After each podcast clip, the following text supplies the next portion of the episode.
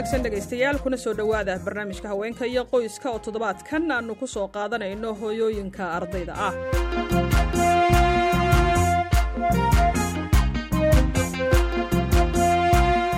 Waxaa jira dumar badan oo iyaga oo hooyo ah xaas ah haddana aada iskuullada si ay u kororsadaan aqoontooda ugana midho dhaliyaan hadafka ay ku doonayaan inay noqdaan hooyooyin aqoon leh oo waxtara ubadkooda iyo bulshada ay la nool yihiin sacdiye maxamed maxamuud waxa ay ka mid tahay hooyooyinka deggan magaalada nairobi ee dalka kenya waxaana ay ka mid tahay dumar badan oo wax ku bartaa macaahidda ku yaalla xaafadda islii waxaan ku soo biiray seventeenkii bishii january baan ku soo biiray walaal. Waxaana ka bilaabay mustawaha ugu hooseeyaan ka bilaabay luuqad carabi baan bartaa. Alxamdulilah maantana waan wadaa waxaana dhigtaa ilaa hadda dugsiga sare baan ku jiraa walaalo. Waxaan ahaa gabdhihii yaryaraa ee ku soo bartay waqtigii soomaaliya siyaad bare wax ku soo bartay baan ahaa. Kabacdi waan guursaday hooyaan iska noqday. Alxamdulilah waan muxuu ahaa caruurtii baan korinayay waxbarayay. Markay caruurtii ii koreenna alxamdulilah waxaan bilaabay inaan aniga waxbarashadii maskaxdeeda aan dhiso oon ku soo biiro oon waxbarto saasaa igu maaragtay aan niyadeyda yani ay soo gashay waana bilaabay. Haddana alxamdulilah adigu jaamacaddii baa saddex bilood iiga dhiman yahay waxaa laga yaabaa in dad badan ay isweydiiyaan wax qof dumara ku kalifi kara inay iskuul aado marka ay ilmaheeda korsato. Hase ahaatee sacdiye ayaa sheegaysa in inkastoo waxbarashada aanay waqti lahayn ay haddana iyada ahaan uba aragto fursad weyn oo ay heshay xilligan mar haddii ay caruurtii u koreen. Caruurtii markay koreen ayaan waxaan ka fekeray guriga aan dhex fadhiyo iyo waktiga iga dhumaayo maskaxdeeda inaan kobciyo inaan diintii barto oo aan muxuu ahaa dee anigu waktigaas aan dhammaynayo hadda adigu jaamacaddii saddex bilood baa iiga hartay insha allah waxaan rabaa laba sano iyo bar inaan jaamacaddii aan muxuu ahaa dhigto kabacdi waxaan fuuturka haddii ilaahay cimriga ii maaragtay ii waasiciyo inaan maaragtay aan dadka waxbaro oo maamooyinka guryaha fadhiya aan wax u aqrin karo oo diintii gudbin karo oo cilmiga aan dadka bari karo. Laakiin inaan ku shaqaysto uguma talagelin ujeedadeedu waa macalinimo macalimnimada kale ah mid lacag lagu qaato oo meel furto iyo mid dacwad ahoo diinta lagu fidiyo oo inaan muxuu aha intaan diintii barto oo carabiga barto oon hooyooyinka guryaha fadhiyo inaan wax bari karo. Waxaan ku baranayay soomaaliya luuqada soomaaliga ee hooyo ayaan wax ku soo bartay kabacdi maanan baranin luuqad maanan baranin qur'aanka unbaan bartay. Marka ingilishkana waxaan u baranayaa oon ugu dhexwadaa haddii aan la kulmo qof luuqadii soomaaliga aan aqoonin sideed diinta ugu sheegaysaa? Diin baan bartaa. Diin keli ayaan bartaa. Luuqada ingilishka baan ku daray oo sia aan beri aan luuqadii qof ajnabi ah ama qofkii soomaali garanaynin aan u baro oon ingilish ugu bari karo diinta.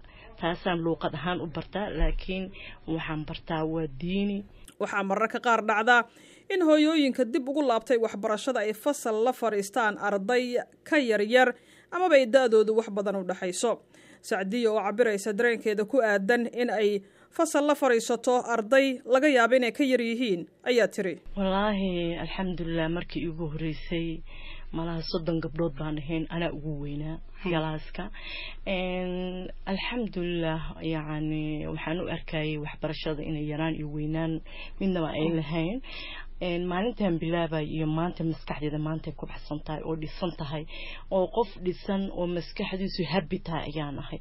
Waana ku faraxsanahay in inta nolosheeda ka dhiman inaan wax barto oon sii wado. Sahro faarax xuseen waa hooyo leh afar carruur ah. Waxa ay afartoodaba dhashay iyadoo wax baranaysa.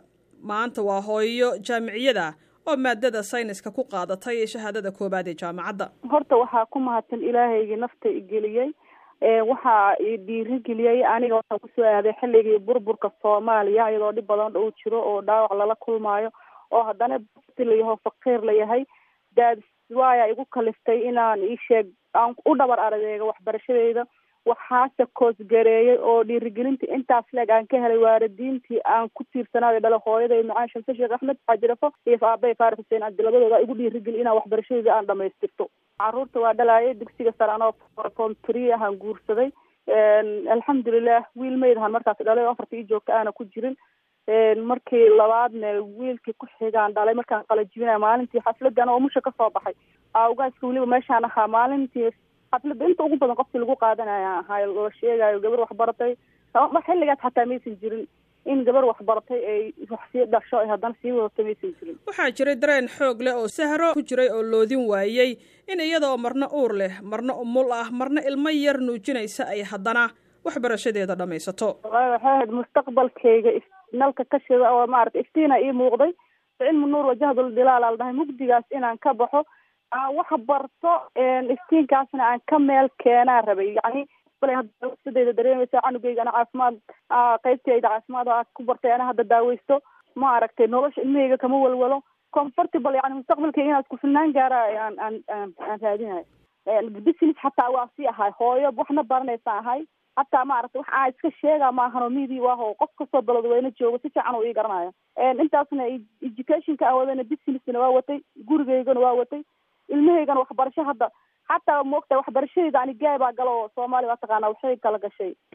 Dagaali waxbaa kala galay. Ilmahayga iskuolka ani hadda aan ka baxay dhigtaan oo aniga dugsiga sare aan uga dhibay qalinjibiya haddadaan dhigtaan justi hadda ma ku shaqaysataa? Wixii aad wixii aad baratay ma ku shaqaysaa hadda? May walaala kuma shaqeeyo. Sanadkii hadda la soo dhaafay malaha toban shaqo waa abalaagareeyey balse biqudratillaah ani waxaan ku kalsoonahay inuu ilaahay samaystay asigana uu shaqada siin karo weli maana ku helin shaqo. Marka taas wax niyadjaba ma ku gelisay wallaahi may maysan gelin. Hadday niyadjabi galaayo waxaan waxaa waaye inta aan soo jiran waxna baranayo waxaan la kulmayey dhib badan aan la kulmaayey maaragtay caqabad badan ay hor istaagaysa. Haddaanba niyajabaayo hadda maba sii wadanayn waxbarashadeydii heerka aan gaari maba gaari lahaynba ma niyajabinin nafsadeydaan manage gareey waxaan manage gareey tii ciyaalkayga waxaana ku hami weynahay tan bulshadeyda inaan manage gareeyo marka maadaama aan maaragtay hooyo ahay haddana caafimaad aan bartay naxariis gooni ahaan uleeyahay ciyaalka iyo hooyooyinka intaas waxaan shaqada aan qabtana intaas tahayba marka ma manage garaynayo haddaan bulshadeeda ku filnaado shaqo hela soomaalida waxay ku mahmahdaa tiisaba daryeelaa tu kale ku dara sahre mar haddii ay waxbarashadeedii jaamacadeed dhammaysatay islamarkaana ay noqotay xoog caafimaad qaba oo bulshadii ku soo biiray waxay dumarka kale ku boorinaysaa. Ani hadda midda haysta bacular degree waaye master iyo wax b h d aan rajaynhaya waana ku tala jiraa insha allah. Sanadka soo socda inaan labadaas iyo maaragtay aan masterka sii bilaaban jecla waxaan le marka horay u sii socda ha wax yar waxa aad gacanta ku haysatid. Hankaada hag weynaada yuusan hankaas gaaban kugu filnaan ugu baaqaya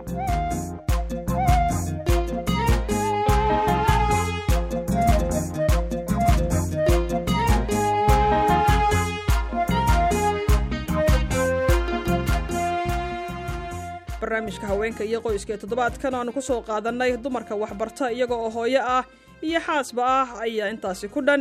Intaan mar kale kulmayno waxaan idinkaga tegayaa sidaas iyo nabadgelyo